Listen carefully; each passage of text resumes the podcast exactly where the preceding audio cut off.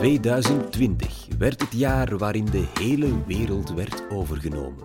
Niet door een machtsgeile tiran of door aliens van buitenaf, maar wel door een vervelende ziekte. Fijn was anders. Maar is zo'n wereldwijde pandemie altijd kommer en kwel of kan het ook positieve gevolgen hebben? Daarvoor keek economisch en sociaal historicus Wouter Rijkbos terug naar het verleden. Wordt de wereld beter na een pandemie? Dit is de Universiteit van Vlaanderen.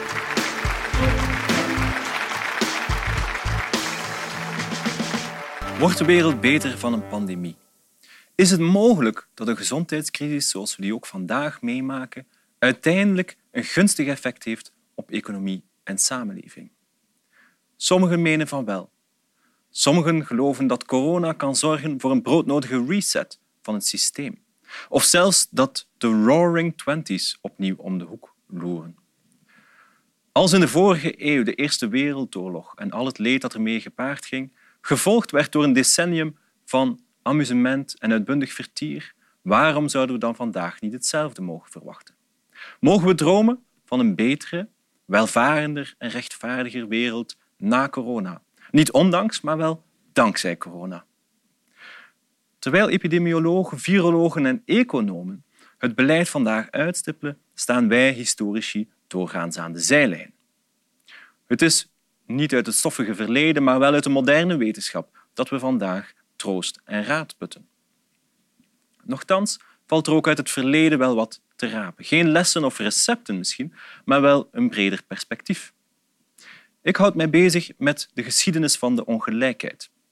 En de vraag die ik mij vandaag stel, is of historische epidemieën ons iets kunnen leren over het perspectief op een rechtvaardiger, betere samenleving na corona.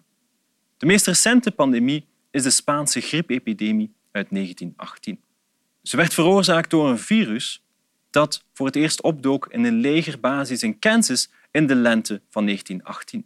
Van daaruit stak ze de Atlantische Oceaan over en verspreidde zich over de rest van de wereld. Tegen het einde van datzelfde jaar had ze ongeveer 50 tot 100 miljoen dodelijke slachtoffers gemaakt en zich verspreid over de hele bewoonde wereld. Verder in het verleden, maar niet minder tot de verbeelding sprekend, is er de Zwarte Dood, die Europa trof rond het midden van de 14e eeuw. Ze werd veroorzaakt door een bacterie die vanuit Centraal-Azië richting het Middellandse zeegebied verspreidde en vervolgens heel Europa zou bereiken. De Zwarte Dood zou uiteindelijk 50 miljoen dodelijke slachtoffers eisen. Zijn deze historische epidemieën wel vergelijkbaar met wat we vandaag meemaken? Het antwoord is kort gesteld nee. Een derde tot de helft van de Europese bevolking liet het leven als gevolg van de zwarte dood, terwijl de sterftegraad als gevolg van corona vandaag wereldwijd gelukkig onder de 1% blijft. Daarnaast eisten deze historische epidemieën ook veel meer jonge en gezonde slachtoffers dan vandaag het geval is. Toch zien we in de nasleep van de zwarte dood en de Spaanse griep een aantal dynamieken, een aantal ontwikkelingen die gelijkenissen vertonen met de dag van vandaag. Hebben we als samenleving wel een impact op het plaatsvinden van een epidemie? De eerste reactie op een epidemie is vaak een van machteloosheid. Tijdens de middeleeuwen dacht men dat de zwarte dood een straf van God was. Men dacht daarbij vaak terug aan het Oude Testament, waarin beschreven stond hoe de steden Sodom en Gomorra verwoest werden door God als straf voor zoveel zondigheid. En in de decennia rond de Zwarte Dood zien we doorheen Europa een opleving van religieuze bewegingen die de nadruk legden op zelfbestraffing. Zoals bijvoorbeeld de flagellanten of gezelbroeders die doorheen de straten trokken terwijl ze zichzelf pijnigden als een manier om God om vergiffenis te vragen. Ook de Spaanse griep in de 20e eeuw werd nog vaak gezien als een straf van bovenaf, een straf van God. Vandaag beschouwen we epidemieën veel meer als externe schokken, zonder diepere betekenis of oorzaak. Maar dat betekent natuurlijk niet dat menselijk gedrag er hoe dan ook geen aandeel in had. Recent onderzoek over de Zwarte Dood wijst bijvoorbeeld uit hoe de eh, verspreiding en de uitbraak van de Zwarte Dood in het midden van de 14e eeuw in Europa gekoppeld kan worden aan de veroveringen en troepenbewegingen van Genghis Khan en zijn opvolgers vanaf de 13e eeuw in middeleeuws Centraal-Azië. En ook voor de verspreiding van de Spaanse griep in de 20e eeuw bestaat een eenvoudige, voor de hand liggende menselijke verklaring. Het einde van de Eerste Wereldoorlog bracht heel wat troepenbewegingen en plaatsingen met zich mee, waardoor het virus zich ontzettend snel kon gaan verspreiden dankzij oorlogsboten, treinen en legerkampementen. Hoe zwaar een epidemie toesloeg, hing bovendien af van de maatschappelijke reactie daarop. Al in de late middeleeuwen werden in Europa heel wat maatregelen uitgewerkt die de verspreiding van besmettelijke ziektes moesten uh, verminderen. Besmette gebieden werden in een cordon sanitair geplaatst. Mensen die in contact gekomen waren met geïnfecteerde personen moesten in quarantaine geplaatst worden. Gezondheidscontroles werden gehouden op cruciale doorgangswegen of aan grensovergangen. En permanente gezondheidscomité's werden opgericht om de situatie te monitoren en zo nodig eh, nieuwe maatregelen uit te vaardigen. Het zijn maatregelen die ons vertrouwd eh, overkomen, zelfs al was de medische kennis over de aard en de verspreiding van de ziekte al bij al vrij beperkt. Ook in de 20e eeuw, nog eeuwen later, tijdens de uitbraak van de Spaanse griep, werden nog gelijkaardige maatregelen genomen.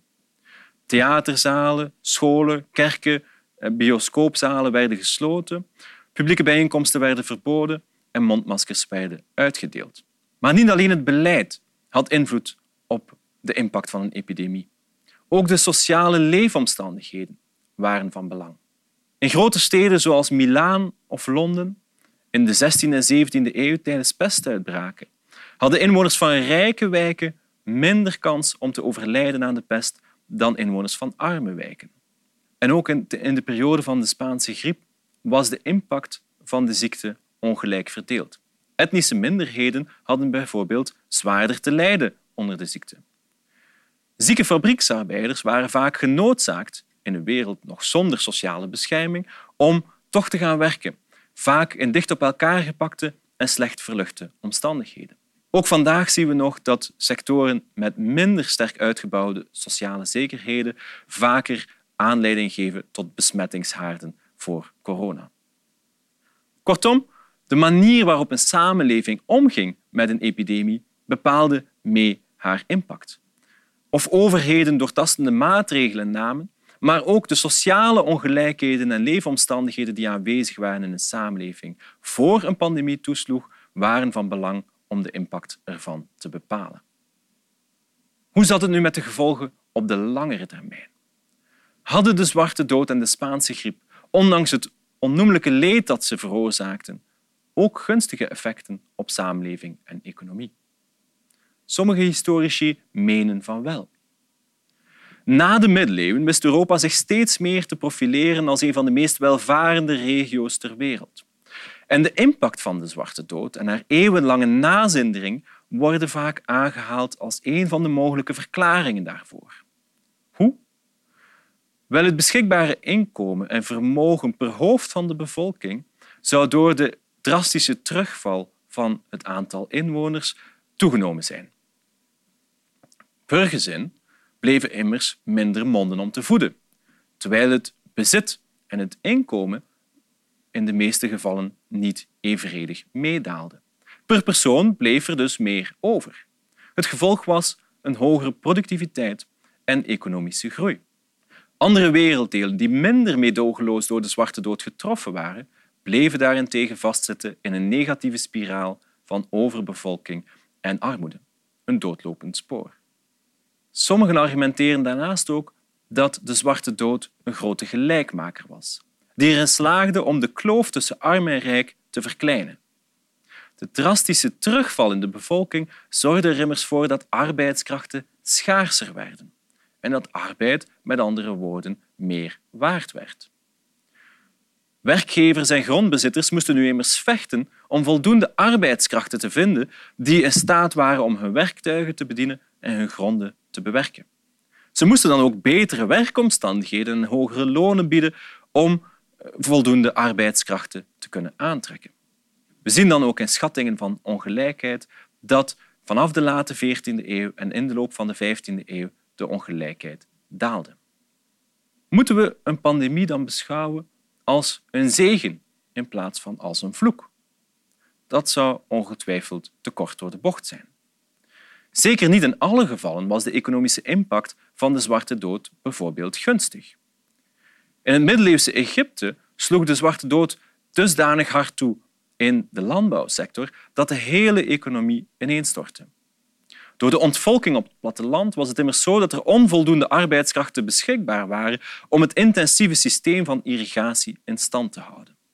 De Egyptische economie zou gedurende eeuwen niet van deze schok herstellen. Maar ook elders waren de perspectieven vaak weinig rooskleurig.